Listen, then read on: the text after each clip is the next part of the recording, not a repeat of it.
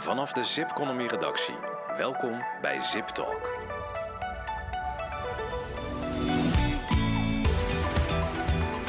Een hele goede dag. Welkom bij Zip Talk, de podcast van Zipconomy. Mijn naam is Narada Bouwland en ik word vandaag weer bijgestaan door Hugo Jan. Goeiedag, Hugo Jan. Goedemorgen. Nou, we zitten hier op, uh, op zaterdag. We hebben een hele speciale gast, dus daar hebben wij een uitzondering voor gemaakt om dat uh, op zaterdag te gaan, ja. uh, gaan opnemen. en dat is Senna Matoeg. Zij is sinds 2021 Kamerlid voor GroenLinks in de Tweede Kamer. Dus uh, mijn heeft onder andere arbeidsmarkt en ZZP-beleid in haar portefeuille. Goedemorgen. Een hele goede morgen. En Ach. dank dat het mocht uh, hier ja. uh, op zaterdag. Ja, ja. Hoe, hoe is het met je? Hoe is de sfeer bij GroenLinks tegenwoordig? Het is super, super gezellig. Ja? Maar een van de redenen dat het op zaterdag is, is omdat ik nu fulltime in een parlementaire enquête zit. Ja. de parlementaire ah, okay. enquête fraude en dienstverlening. Dus ja. ik heb uh, gelukkig heb ik fijne collega's, Tom van der Lee en uh, Lisa Westerveld, ja. die de SZW-portefeuille overnemen. Ja. Maar ik dacht, uh, bij jullie langs gaan, dat is te leuk. dus het is een beetje een uitje van hoe de rest van mijn week er tegenwoordig uitziet. Ja. Dus dank dat jullie me nog even dit, dit hebben gegund. Nou, helemaal geen enkel probleem. Um, Even zien, we gaan straks met jou de arbeidsmarkt in het algemeen bespreken. We gaan het ZZP-beleid doornemen. Uh, de, we staan eigenlijk aan de vooravond van een tweetal grote debatten op, op dit gebied. Eindelijk, eindelijk zou ja. ik bijna zeggen. Ja. About time. Ja. Dus hopelijk heb je nog een beetje tijd om de messen daarvoor te slijpen. Gaat dat lukken? Ja, dus dat, het, wat ik net zei met die enquête is het elke keer even kijken naar agenda. En anders doet collega van der Lee het, maar ik heb altijd een beetje met de voorbereiding samen met ons team. Ja. Want we zijn al jaren aan het wachten eigenlijk op, op deze debatten. Ja. De borstlap is inmiddels hoe lang geleden? Uh, vier jaar. Ja, there you go. Ja, ja. oké. Okay. Um, maar voordat we met jou zo verder gaan, gaan we eerst eventjes naar de headlines, toch, Hugo? Zeker. Ja, dan komt-ie. Zip Talk Headlines. Nou, nu hebben we dus weer de man aan tafel die, uh, die arbeidsmarktcijfers voor zijn ontbijt uh, eet. Dus je hebt er weer een paar. Um, niet alleen van Zip Economy, maar de, vanuit de Flex Nieuwshoek. Hè, is ook een van onze kanalen die we tegenwoordig hebben. Ja, er was afgelopen week een hele, hele lading cijfers. Om maar met, met de grote uh, CBS arbeidsmarktcijfers te beginnen. Nou, het is van, ja. van zeer, zeer krap ietsje gedaald naar zeer krap. Okay. maar goed, de, de, de, het blijft natuurlijk nog steeds wel heel erg, heel erg krap. De onderliggende cijfers per, per branche die zijn wel heel erg verschillend. De uitzendsector zit al, al al maanden uh, zwaar in de min. Okay. De detacheerders die lieten dan weer stevige groei zien. Dus de mensen met wat langere contracten, uh, die doen het dan blijkbaar beter dan, dan de hele korte contracten. Brisker melden dat de payrolling weer flink aan het groeien is. Ja. Nou, dat komt onder andere omdat en uitzenden duurder aan het worden is en dat het werkgeverschap toch nog steeds wel uh, flink ingewikkeld uh, uh, is. En we zagen voor het eerst dat het aantal ZZP'ers aan het dalen was in het afgelopen kwartaal. Okay. Nou, dat moet ik nog maar zien, want de Kamer van Koophandel laat andere cijfers zien. Of dat nou even een, even een klein dipje is of structureel, dat weten we over een, over een kwartaal. Nou, we hadden net uh, bij de koffie al over mijn, uh, mijn kinderen. Dus ook uh, ja. meer dan eens dat dat gebeurt. Um, Even zien. Nu zijn er dus plannen ontwikkeld om um, een maximum aan aantal ZZP'ers te hebben op in ieder geval het basisonderwijs. Is het ook middelbaar onderwijs? Ja, ook middelbaar onderwijs. Ja, ja. ja hoe zit dat? Nou, de, minister Wiersma kwam met een, een notitie strategisch personeelsbeleid voor de onderwijssector. Nou, ik vind dat wel interessant, hè? want ik, ik denk dat je een aantal zaken qua onderwijs, qua arbeidsmarktbeleid echt per sector moet, uh, moet doen. Ja. Prima initiatief. Wat hij onder andere gezegd heeft, er moet een maximum inhuur komen voor 5% van externe inhuur in dat basis- en voortgezet onderwijs. Ja. Nou, dat klinkt op zich nobel. Uh, wel goed om te beseffen dat de scholen daar gemiddeld nu al ruim onder zitten. Ja. Um, ja dus welk probleem zou dat dan moeten oplossen? Nou ja, we hebben 10.000 uh, uh, leraren tekort. Ja, de, de ja. werkgeversorganisaties die riepen al gelijk al van... dit is wel erg micromanagement. Geef ons nou de ruimte om zelf te bepalen hoe we nou een les die uitvalt invullen. Of Ja. het nou wel of niet met een ZZP'er of met een gedetacheerde kan. Geef Ja. ons een beetje de ruimte. Maar gaat dit maximum Eh, van het aantal ZZP'ers dan helpen bij het oplossen van het uh, personeelstekort? Nou ja, dat is, dat, is, dat is natuurlijk wel een interessante vraag. Of dat Ja. moet je nou alle kanalen openzetten? Of moet je eh, het werkgeverschap eh, beschermen om die uitstroom naar ZZP-schap, wat, wat echt in, in Ja. deze onderwijscategorieën nog maar heel sporadisch is. Ja, Moet je ja. daar nou een deur, eh, de- hoe heet het, een knip op zetten? Ja. Nou, dat is, dat is op zich wel een interessante discussie. Ik ben wel benieuwd hoe de sector daar verder mee, eh, mee omgaat. En dan nog meer over inhuur in de publieke sector. Uh, de Rijksoverheid kwam met uh, jaarlijkse cijfers rond inhuur van extern personeel. Ik zag trouwens ook nog iets over de Belastingdienst. Die, ja, die ja, iets, uh, ja, daar smullen we natuurlijk altijd van als de Belastingdienst zijn eigen regels niet, niet kan toepassen. Overigens een beetje oud nieuws, want dat, dat weten we al jaren en dat staat ook al in, in eerdere rapporten. Maar goed, ik vond het wel verrassend, want nou, er staat ook een stuk op, op Economy daarover. Ik had eigenlijk verwacht, het daalt wel de externe inhuur. Want de vorige jaar was het argument heel erg: COVID is er, dus we hebben veel meer nodig. Nou, COVID is voorbij, we zijn het alweer bijna vergeten. Uh, maar toch blijft die inhuur uh, uh, stijgen. Twee, twee dingen. Arbeidsmarkt, het is gewoon heel lastig in sommige functies om vast personeel te vinden. Nou, IT-systemen bij de Belastingdienst vallen gewoon om zonder externe inhuur. en de tweede is, nou, de politiek vraagt ook wel heel veel van de ambtenarij, zeg maar, van in, in natuurlijk allerlei projecten. Nee, die moeten ook nog wel een keertje ingevuld uh, worden. Ja. Nou, je, je, ziet wel op een aantal van dat soort specifieke projecten ook wel de toeslagenaffaire, uh, afhandeling daarvan, uh, energietransitie. Nou, daar wordt veel extern op ingehuurd. Ja. Dus het is meer uh, wat bij de Belastingdienst nog interessant is, maar daar zijn we nog verder aan, in, aan het induiken dat die wel premies afdragen voor die ZZP's. Die oh, hè? Ja, vond, nou, dat had ik ook. Uh, opvallend zinnetje. Ja. Ik vraag me nou af, ah, hoe berekenen ze dat? Doen ze dat dan over alle ZZP's? Dat dan alleen de werkgeverspremies of in de, ook de werknemerspremies daarvan? Nou, dat, uh, die vragen ja, liggen allemaal ja. op het ministerie. Oh, dat is wel een interessante manier van risicoafdekking. Nou ja, dus dan hou je je bewust niet aan de regels, maar intussen pak je de consequentie wel al van die ja, ja. premies. Ja. ja, Nou, ik heb, ik heb een van mijn vragen die ik gesteld heb, als je dat nou doet, ja. ben je dan ook als opdrachtgever gevrijwaard voor boetes schijnzelfstandigheid? Ja, nou. ja. oké, creatieve oplossing. Ja. Zullen wij nog verder gaan met uh, Senna? Want volgens ja, mij graag, was dit ja. het, hè? Ja, ja. Um, Senna, je hebt volgens mij een perfecte carrière ook om mee te praten over, uh, zeg maar dit, over arbeidsmarktproblematiek. Je hebt volgens mij gewerkt bij het ministerie van Sociale Zaken en Werkgelegenheid. Uh, hebt in de SER gezeten, beleidseconoom bij minister van Financiën en dan nu Kamerlid. Even zien, hoe zullen we beginnen, Jurian? Nou ja, wat, de eerste vraag eigenlijk die je hebt, hè, want dat is een mooie carrière. Je maakt de overstap naar de politiek. Uh, ja. ik, ik zou bij, bijna zeggen, waarom? ja, precies. dat is een vraag die zoveel mensen stelden. En ik ja. stel die vraag soms ook wel eens aan mezelf. Uh, ja, och, wat zal ik daar eens over zeggen? Um, ik, ha, ik had niet, het was niet zo dat politiek een soort carrièrepad wat ik voor me zag. Dat ik dacht, laat als ik gewoon ben, ga ik de politiek in. Of ik zou heel graag de politiek in willen. Ja. Ik vond een rol, uh, ik werkte uh, als ambtenaar naar mijn laatste baan bij Financiën. Gaf daarnaast les uh, als, bij de Universiteit Leiden bij bachelorstudenten beleidseconomie. Dat ja. een hele leuke combinatie. En organiseerde soms in mijn vrije tijd wat, wat dingen. Dus dat was hartstikke leuk eigenlijk. En zoals dat wel vaker in het leven gaat, en ik denk ook wel in je, nou ja, in je carrière, nou is nou, Kamerlid zijn is iets meer dan alleen een baan. Uh, dat, dat maak ik het te klein, maar, maar het, is ook, het, was, het was niet gepland pad, maar dat gebeurt dan zo. En dan komt die vraag een beetje langs en dan, dan, dan scheelt alles in je nee, dat ga ik echt niet doen. Ja. Want die politiek, heb je het daar wel eens gezien? Uh, laat ja, mij ja. maar lekker achter de schermen op de inhoud. Uh, en dan ga je wat, wat langer erover nadenken en dan blijkt achter die harde nee vooral mijn angst te zitten. Ja. En als je wel maar ideeën hebt over hoe het beter moet, en zeker rond de arbeidsmarkt, uh, uh, los van je politieke mening, uh, de problemen waren zich aan het opstapelen, de probleemanalyse, maar er werd niet iets gedaan voor de lange termijn. En ik dacht, ja, maar dit is wel echt heel belangrijk. En ik vind nog steeds de ondertitel van Borstlab, in wat voor land willen we werken, uh, met elkaar die vraag beantwoorden en stappen zetten en duidelijkheid geven. Mm -hmm. Ik denk ook vandaag in het gesprek wat we vandaag hebben, alsjeblieft geef wat duidelijkheid. Waar gaat het heen? Want eigenlijk sinds ik dit dossier een beetje volg, vroeger vanuit achter de schermen uh, en dien, dienstbaar naar, uh, als ambtenaar. En nu in een hele andere rol. Maar ik zie de herhaling van zetten en de gesprekken zonder dat die duidelijkheid er komt. Ja, toen dacht ik, ik wil daar wel aan bijdragen. Nou, dat doe ik nu op deze manier. En dan, um, als je hebt, want we hadden het net ook al eventjes over in het voorgesprek, dan gaan er gewoon dingen gewoon hartstikke goed in de arbeidsmarkt. Arbeidsparticipatie is hoog, mensen zijn relatief tevreden gemiddeldes. En aan de andere kant heb je uitersten natuurlijk. Hè? Mensen die heel tevreden zijn, goed geld verdienen. Mensen die, waar het gewoon niet meer goed gaat. Wat, wat, is, wat is voor jou dan de drijfveer als je het hebt over arbeidsmarkt, portefeuille? Wat moet daar beter en wat gaat er goed?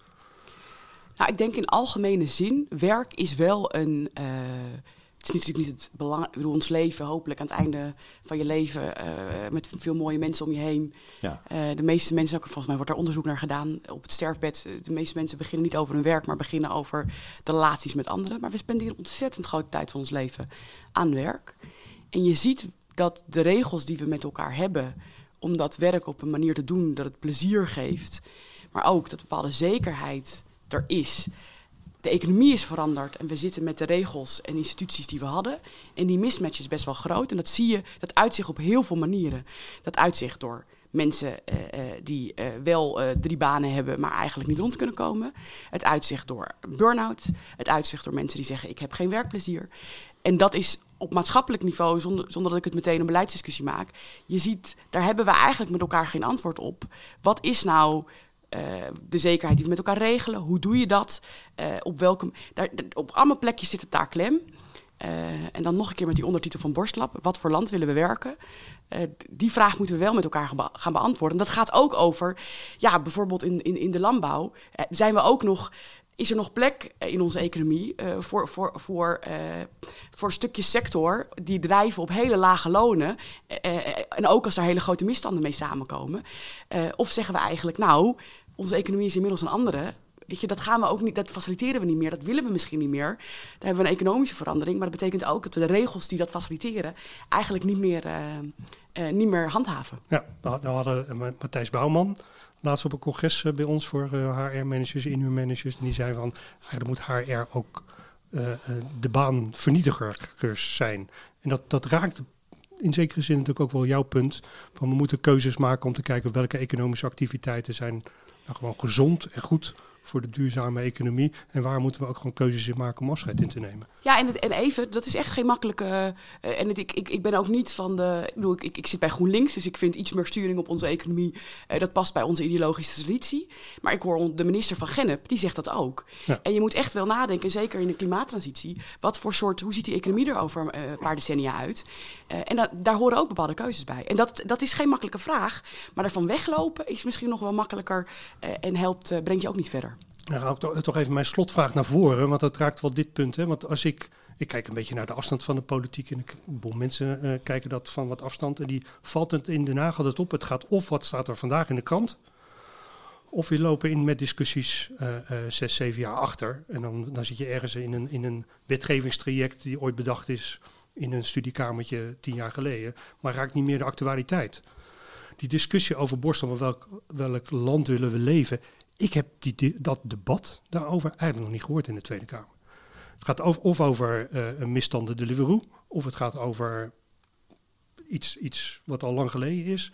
Maar hoe komt dat debat nou eigenlijk gewoon niet tot stand op, op die hoofdlijnen? En gewoon, want ik denk dat die zo groot zijn die verschillen tussen coalitie, jullie en, en andere oppositiepartijen misschien nog niet eens zo.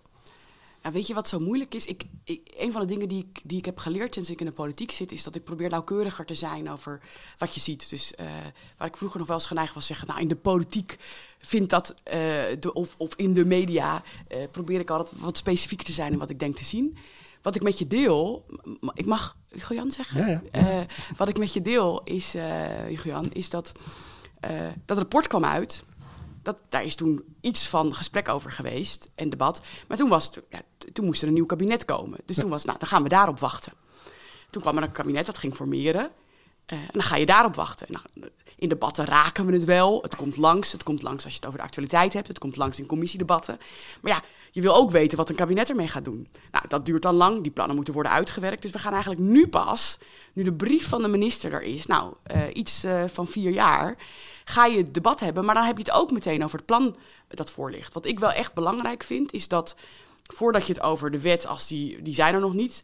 In die brief hoop ik dat collega's, uh, dan wel ikzelf, dan wel Tom van der Lee in ons geval van GroenLinks, ook aangeven: dit is hoe wij het zien. En als het goed is, is dat een positie die niet volgend jaar opeens verandert. Dat is op hoofdlijnen een positie die je waar je over 15, 15 jaar ook nog op terug kunt vallen. Want als je dat met elkaar doet, maak je keuzes die, die, die duurzaam zijn. Ehm, en ik denk wel dat tussen de regels door vindt het debat wel plaats. Alleen het, is, het krijgt misschien niet nou ja, de grootte en de ruimte. En misschien gaat de aandacht ook vaker naar, naar onderwerpen die op dat moment spelen. Maar ik heb echt wel commissiedebatten gehad. Bijvoorbeeld over: is het noodzakelijk om het arbeidsrecht aan te passen? Of kunnen we uh, van doen met het arbeidsrecht zoals het nu is? Ja, die discussies vinden wel plaats, maar daar zit niet wat de schijnwerper op. Nee, nee. Nou, één heel klein, heel kort debatje. was uh, tussen VVD en de Partij van de Arbeid in de begrotingsbehandeling uh, van, van het ministerie van Sociale Zaken. En daar ging het, en dat was voor, voor mij een fundamenteel debat. VVD zegt, geef in principe de ruimte aan het individu. En je collega, ik weet niet of je dat... Barbara Katman? Ja, van de Partij van de Arbeid. Ik weet nog niet helemaal hoe ik dat moet duiden bij jullie. Uh, in, in de heel goed samen, ja. ja, ja, ja. Uh, die zegt, nee, maar er is ook een grote belang. Er is een publiek belang daar, daarin. Moet je, nou, dat, dat is een hoger belang dan het individuele belang. En dat, dat raakt voor mij de kern van de discussie over... wat is nou de plek van de zelfstandige hierin? En, en nou, je, zit, je schudt al ja, maar wat, hoe kijk jij vanuit GroenLinks dan in... Wat is, wat is over 15 jaar nog steeds jullie standpunt over de, de zelfstandige ondernemer? Nou, en, en ik merk dus dat... Ik, ik heb het liever over de werkende... Mm Wat voor vorm dan ook. Ik vind dat we in het politieke debat ook de contractvorm te dominant maken. Ja. Maar voor mij is de kern normatieve vraag. Uh, en dat, dit, is, dit is waarom sociale zekerheid zo mooi en magisch is, maar ook zo ingewikkeld. Mm -hmm. Wat is sociale zekerheid? Dat is met elkaar je verzekeren. Collectief verzekeren, vaak verplicht. Dan zeg je, ik vind verlies van inkomen door werkverlies, dat heet dan BW, maar op korte termijn uh, vind ik uh, schadelijk. Vind ik niet goed voor het individu.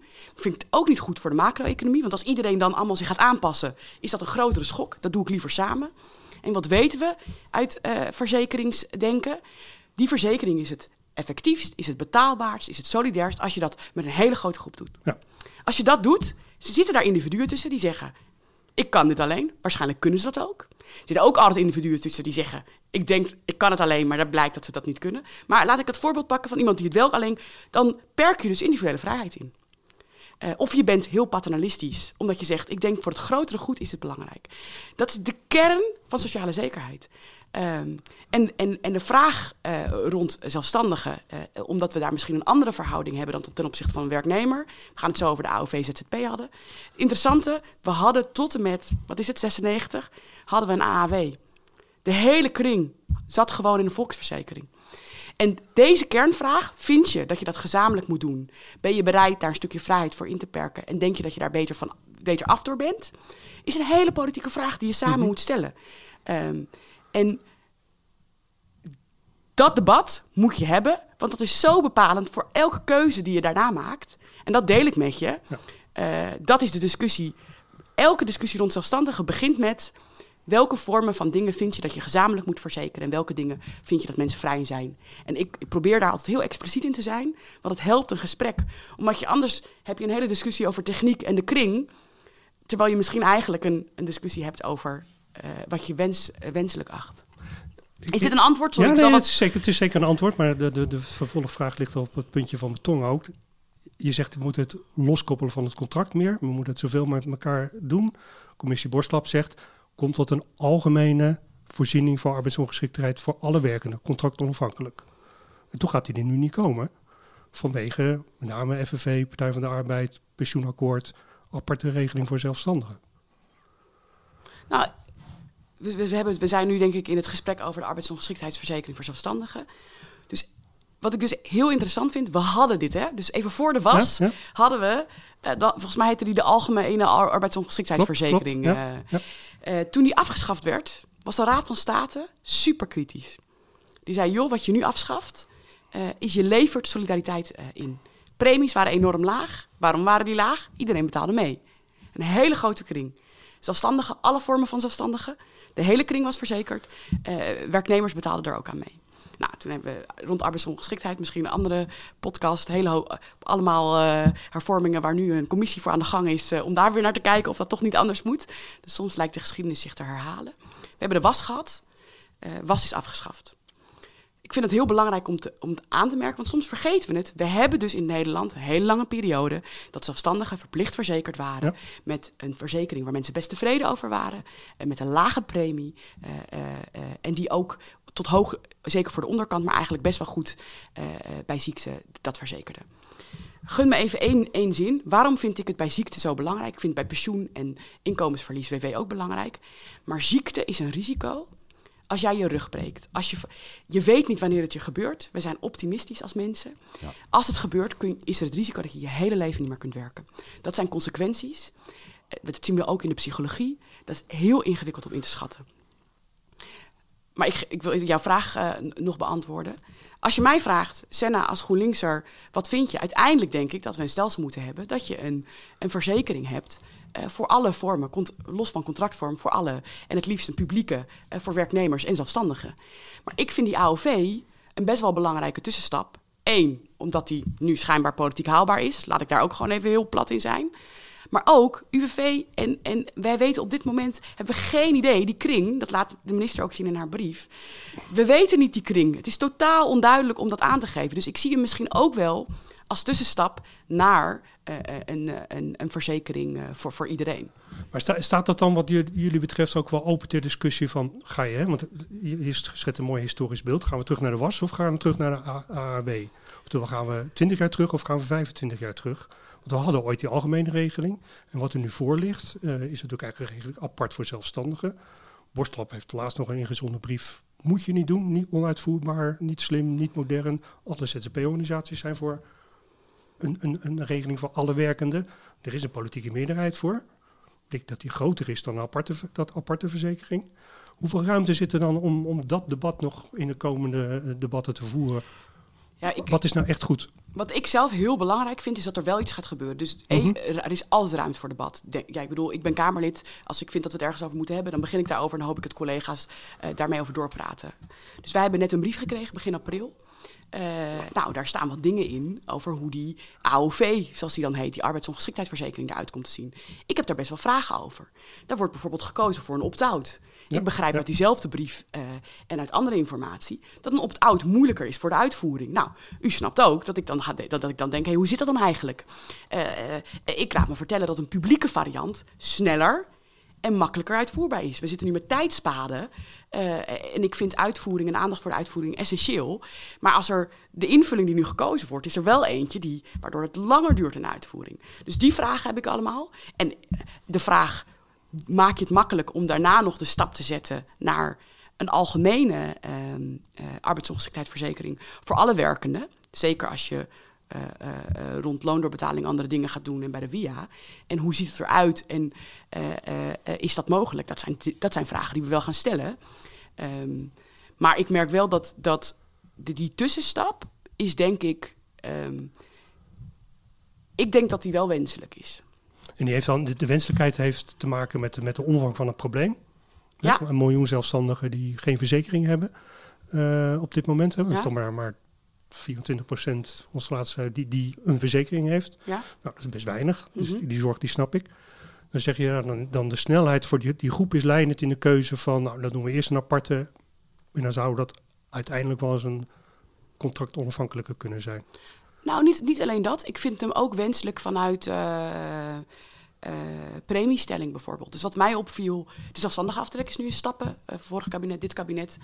Ehm, en nou, dat vind ik niet een verkeerd iets. Maar die zelfstandige aftrek, die, de gedachte was de hele tijd... daar moet je allemaal dingen mee betalen. Ik vind het heel logisch. Een van de zorgen die ik veel terughoor, is dit wordt veel te duur. Ja. Nou, daarom ga ik ook terug naar die AAW en die was. Ja, ik wil dat die premie vrij betaalbaar is. Nou, voor mij betekent dat een grotere kring. Hoe meer mensen meedoen, en voor GroenLinks is dat iedereen doet mee. Is ook afgesproken het pensioenakkoord dat het voor iedereen er is. Luisteren naar uitvoering. Maar als iedereen meedoet, is de premie betaalbaarder. Maar ik zou ook bijvoorbeeld willen, we hebben zelfstandige aftrek, bouwen we af. Ik vind het niet erg dat we in die eerste fase als Rijksoverheid de premie een beetje drukken. Om, hem, om wat zekerheid te geven in de eerste fase. Ja. Nou, als je dat in één keer op de hele groep doet. Dus ik vind het dan best wel logisch. Als je het dan alleen voor zelfstandigen doet, uh, kun je de dienstverlening goed aanpassen een van de dingen die ik heel belangrijk vind is... Uh, mensen hebben nu allemaal zelf dingen geregeld. Hoe zorg je ervoor dat die transitie goed gaat? Uh, dat je niet opeens van, oh, u had een broodfonds, hop. Uh, dat het makkelijk is, dat we daarover nadenken. Ehm, dan helpt het, denk ik, om apart voor zelfstandigen dat te doen. Heb je de groep in beeld? Heb je de premiestelling? Kun je wat makkelijker vanuit het Rijk een beetje meebetalen? Nou, als je dat allemaal goed ingeregeld hebt... wordt het daarna makkelijker om uh, voor de hele groepen te doen. Uh, omdat het ook inzichtelijk wordt uh, hoe de kosten zijn en, en wat het voor mensen betekent. Ja. Even een tussenvraag voor jou, Hugo Jan. Volgens mij is het duidelijk wat Senna de standpunt is op dit stuk in ieder geval. Maar de mensen die nou niet zo enthousiast zijn over die verplichte AV, wat zijn nou hun motieven en hun redenen daartegen? Ja, nou, misschien is het goed ook even voor de luisteraars om, om, om even in hoofdlijnen neer te zetten wat de regeling is. Want, ja. want een deel van die weerstand vanuit de zelfstandig komt ook wel uit Eh, omdat ze niet weten wat, het, wat, wat Ja, de regeling is. Ja. En, en, en misschien even, Ehm, jij gaat het rijtje zeggen, Ja. maar we zeggen regeling. Ja. Het- waar we staan nu in het politiek is dat we een brief van de minister hebben gekregen op hoofdlijn. Hugo Jan gaat zo aangeven wat dat is. Ja. En daar gaat de Kamer nog over debatteren. Dus het is niet zo dat die regeling er is. We zitten echt een soort van de minister de eerste schets heeft gedaan van zo zou het eruit kunnen zien. Ja, ja, Ja, ja, ja. ja. Maar goed, dat, dat klopt helemaal. Goed om dat proces even te benoemen. Waarbij invloed en, en wat vind je ervan vanuit de politiek, maar ook vanuit het, eh, eh, de polder, zeg maar, al, nog allerlei ruimte is. En iedereen bereidt zich daar ook op voor. Ja. Even hoofdlijnen. Het idee van het kabinet eh, is een basisuitkering. Mhm. Ehm, die zouden moeten komen uitgevoerd door het UWV onder de systematiek van de WIA. En dat wil zeggen dat je op een gegeven moment gekeurd wordt. En dan dan wordt er gekeken niet hoe ziek ben je, maar vooral hoeveel kan je nog werken. Ja. Op basis daarvan wordt de uitkering eh, eh, gedaan. De premie en de hoogte van de uitkering zijn afhankelijk van je inkomen. Ja. Ehm, dat wil zeggen dat als je geen inkomen hebt, je geen premie betaalt, krijg je ook geen uitkering. Dan was minister van Gennep laatst, eh, ik zat bij een gesprek met haar met ZZP'ers, die keek ook even op van, hmm, Ja, ja. daar moeten we nog eens even naar kijken, zei ze toen letterlijk. Dat betekent een maximum uitkering met minimumloon, maar ook een maximum premie van ongeveer 200 euro per maand. Ja. Bruto is dat. Wachttijd van een jaar, Mhm. eh, dus het is geen ziektewet iets, maar het is echt de arbeidsongeschiktheidswet. aantal ZZP'ers, organisaties zeggen, doe het nou twee jaar, wordt het betaalbaarder, risico ook weer hoger. Ehm, en er is, eh, het is dus een privaat of een publieke uitvoering Ja. met een acceptatieplicht. Dus ook alle beelden van, ja, maar verzekeraars willen mij niet. Nou ja, daar zou dit nou precies ook een oplossing voor moeten zijn. En er wordt gekeken naar een opt-out. En er wordt gekeken naar een opt-out. Dat wil zeggen, als jij een regeling hebt die beter is dan de publieke eh, sector hebt, hoef je er niet aan mee te doen. Moet je misschien nog wel een solidariteitsheffing betalen Ja. om, te, om te kijken. En, maar ook die opt-out is denk ik nog wel een onder, onderwerp van, ge- van gesprek. Want wat uh, uh, toch net aangaf, dat maakt het wel weer ingewikkelder. Want wie moet dat nou weer gaan controleren? Ja. Het zou de Belastingdienst moeten zijn. Die zitten er niet op te wachten. Ja, maar dan even, zijn er dus even details uh, daar gelaten, want er moet een hoop uitgewerkt worden. En, uh, um, er moet, ja, dit is, dit is het voorstel. Worden. Dit is het jouw voorstel, vraag was, maar... wat is de kritiek die mensen hebben? Ja, ja. Nou, de kritiek zit hem op. Grappig is, hè, er komt een knap onderzoek uit, zo las ik gisteren. En daarvan zegt de meerderheid, maak die wachttijd korter. Ja. Uh, want dan heb ik er pas wat aan. En, en, en, en ZZP Nederland en, en andere uh, VZN die zeggen, maak hem langer. Ja. Ja. Nou, dat is een van de, van de kritiekpunten. Veel kritiek is ook, uh, we vertrouwen de verzekeraars niet. Nou, dat los je op. Een fundamenteel kritiek, maar dan ben je allemaal, is gewoon de boosheid die er nog steeds onder ZZP zit, dat dit geregeld is in het pensioenakkoord. Door de GroenLinks Partij van de Arbeid, samen met FNV en de werkgeversorganisaties. En je hebben wat geregeld voor ZZP'ers in een gesprek over werknemersvoorzieningen. En daar zit nog wel een heel stuk frustratie, boosheid. Wat je ook, waar je ook mee komt, altijd wel daar wordt Ja, op terug. ja. ge- ge- en dat, dat ik, ik weet niet of jij het snapt, die boosheid, maar ik snap hem wel. Ik kan hem wel plaatsen. Ik vond, ik vond, vond dat niet handig. Nou, maar dit is waarom ik zei, waar staan we politiek? Ja. ik vind dat heel belangrijk. En mijn partij vindt het belangrijk dat, eh, want als je het helemaal afpelt, waar kom je op terug? Heel veel mensen die werken, die niet verzekerd zijn eh, eh, voor ziekte. En Ja. ik zie het aantal bijvoorbeeld LinkedIn-ziektes dat steeds vaker gebeuren. Eh, inzamelacties. Ja. Inzamelacties voor mensen. Soms mensen die aangesloten waren bij een broodfonds. Dat iets heel heftig is misgegaan. Iemand blijkt ongeneeslijk ziek. Of er, en dan was er niks. Dat zijn echt hele heftige consequenties. En ik, het valt me op dat ik dat, dat, dat vaker zie. En het zijn kleine voorbeelden. Maar de, bo- Maar- de boosheid zit hem niet op de inhoud, Nee, maar, ik, dus, maar op het proces. nee, maar daarom zei ik, gaf ik Ja. dat aan. Eh, over waar staan we dan nu? Kijk, ik ga tegen het kabinet wel zeggen: hé hey joh, eh, wanneer komt het er? Want dat is heel belangrijk. Eh, maar er is nu nog, de minister heeft nu een eerste brief, heeft heel lang op zich, op, op zich, op zich laten wachten. Ehm, een andere die ik heel veel hoor is die angst om die premies. Men is heel erg bang, zeker mensen met een wat hoger inkomen, eh, die zijn heel bang vanuit dat ze wel een hele hoge premie gaan betalen, maar dat ze niet verzekerd zijn eh, tot een. eh, dat is een angst die, ik- die, die, die, die ik veel terug hoor. Eh, een andere dat mensen zoiets hebben, wat betekent het voor de dingen die ik zelf al heb geregeld? Krijg ik er opeens iets bovenop? Hoe verhoudt dat zich? En de laatste, en die is heel fundamenteel. en dat is eigenlijk de vraag die je me als eerste stelde. Ik, en dat is, die is ook heel ideologisch. Ik wil niet verplicht verzekerd zijn. En dat is denk ik de kern waar het politieke gesprek begint. Ja. Eh, wat is je grondslag? Hoe beslis je dat? Hoe beslis je dat samen met anderen? Hoe doen we dat ten opzichte eh, eh, van andere regelingen? Ehm, Ehm, en daarom vind ik het belangrijk om daar zo duidelijk over te zijn. Ja, dan ga ik toch even de vraag opnieuw stellen. Want, want dit, dit, is, dit is ook een gesprek. Ik, ik heb dat in een stuk ooit wel weer het herstellen van het sociale contract tussen, tussen politiek en de zelfstandigen. En het gaat over collectief en individualiteit eigenlijk. Toch weer terug naar het proces. Dat gesprek komt moeilijk op gang, omdat die ZZP'ers nog steeds boos zijn dat dit in het pensioenakkoord is geregeld, waar ze niet aan tafel zaten, het niet over hun ging, maar het een hele andere regeling is. Toch, toch ook de vraag, snap je de boosheid daarover? Ja, maar ik snap het in de hele geschiedenis van het zelfstandige vraagstuk uh, de boosheid. Dus um, als je kijkt, ik heb een heel mooi Volkskrant-stuk gezien over toen die AAW werd afgeschaft. Dat is in het geweld van de hele herziening rond arbeidsongeschiktheid, heeft dat heel weinig aandacht gekregen. Ja. Dus wat je ziet, is dat op de arbeidsmarkt, die groep is groter geworden. Maar het is elke keer. En toen, toen, toen werd gezegd: ja, maar die AOW wordt afgeschaft, maar dan hebben we een WAZ. En die is op een gegeven moment ook gewoon in het. Uh, als je de memories van toelichting. Ik vind, even voor heel, heel eerlijk. Uh, ik vind dat de zelfstandige aftrek te groot was. Die hebben uitgebreid en uitgebreid door de jaren heen. Maar terwijl die uitgebreid werd, werd gezegd: ja, maar dan moeten zelfstandigen dit, dit en dit allemaal van regelen. En op een gegeven moment is, die, denk ik, echt, uh, is het echt uit, uit, uit, uit, geslagen. En dan vervolgens ga je het weer inkrimpen, vind ik iets goeds. Maar daarom maak ik die opmerking over die premies. Dus ik merk in algemene zin als je zegt: hey, wordt er met ons gepraat, institutioneel? Uh, uh, en hoe zie ik een trend die los van uh, de, de, de, laatste keuze die zijn gemaakt, is dit een trend die ik eigenlijk rond zelfstandigen, het is de nagedachtenis, de instituties zijn heel erg op werknemers gericht. dus ik herken die, ik herken die boosheid zeker. alleen wat voor mij dan heel essentieel is, wat, wat, wat doe je daar dan vervolgens mee? En die invulling, en daarom zit ik zo heel erg op die uitvoering. Uh, er wordt nu heel hard vastgehouden aan, aan de uitvoering van de Stichting van de Arbeid. Want zo is het besloten. Ja, op het moment dat dat uitvoeringstechnisch moeilijker is.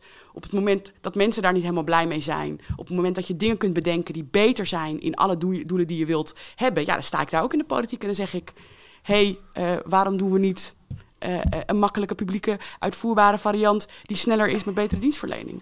En zo kan ik me voorstellen dat andere partijen andere vragen hebben. Ja, ja. Nou, we gaan dat debat uh, volgen, want dat, dat komt heel binnenkort. Ja. Verdere invulling daarop. Ik, ik, ik, ben ook benieuwd naar, naar de ruimte die er ontstaat om, om hier dat fundamentele debat over, over te gaan voeren. Even een beetje, een beetje ter, ter afronding, uh, Senna, GroenLinks en, en, en de zelfstandigen wij deden met Kieskompas 2017 uh, uh, onderzoek over wat, wat zijn de voorkeuren daarin. GroenLinks stond als derde partij toen. Partij van de Arbeid stond vrijwel onderaan. Toen was dat nog wel, een, nog wel twee verschillende blokken. Meer de sociaal-liberale kant en de, de, de, de, Partij van de Arbeid. Um, wat, wat, wat, wat hebben zelfstandigen? En dan denk ik vooral ook in sectoren waar jullie denk ik goed vertegenwoordigd zijn. De kunstensector, uh, misschien ook wel wat, wat meer kwetsbare zelfstandigen. Wat, wat hebben die daar GroenLinks als je zegt van we komen, we komen op voor jullie belangen. Als zij vinden die arbeidsongeschiktheidsverzekering is duur, als zij zeggen ja maar die zelfstandige ja. aftrek. Wat heb ik als kunstenaar, beeldhouwer? Ja. Ik ga straks naar ja. de markt. Mm -hmm. Ik ook zo. Jij ook, denk ik. Zelfde markt overigens. Uh, daar staan die marktkooplui die denken, arbeidsmarktdebat, ja. zelfstandig aftrek, maar ik raak hem ook kwijt. Ja. Hoe, hoe, hoe, kan dat? Hoe kan dat dat die onderkant van die kwetsbare groep zelfstandigen toch eigenlijk ook weinig oog voor is? Ja, en ik vind dit heel belangrijk, want uh, in mijn optiek, en ook denk wel GroenLinks optiek, is een van de dingen die we heel vaak op de arbeidsmarkt doen, is dan ga je allemaal deelbelangen. Dan heb je de uitzendwerker, heeft dit belang. De ZZP'er heeft dit belang. De ZMP'er, de zelfstandige met personeel. De persoon met het vaste contract. En dan, ga je, dan lijkt het bijna alsof je belangen gaat uitwisselen. Maar uiteindelijk zien we in die kunstensector... Lisa Westerveld doet ze bij ons media. Toen we gingen bezuinigen, bezuinigen op media... wat gebeurde er? Instellingen gingen gewoon die tarieven naar beneden doen. De onderhandelingspositie van werknemers waren slecht flexibele contracten.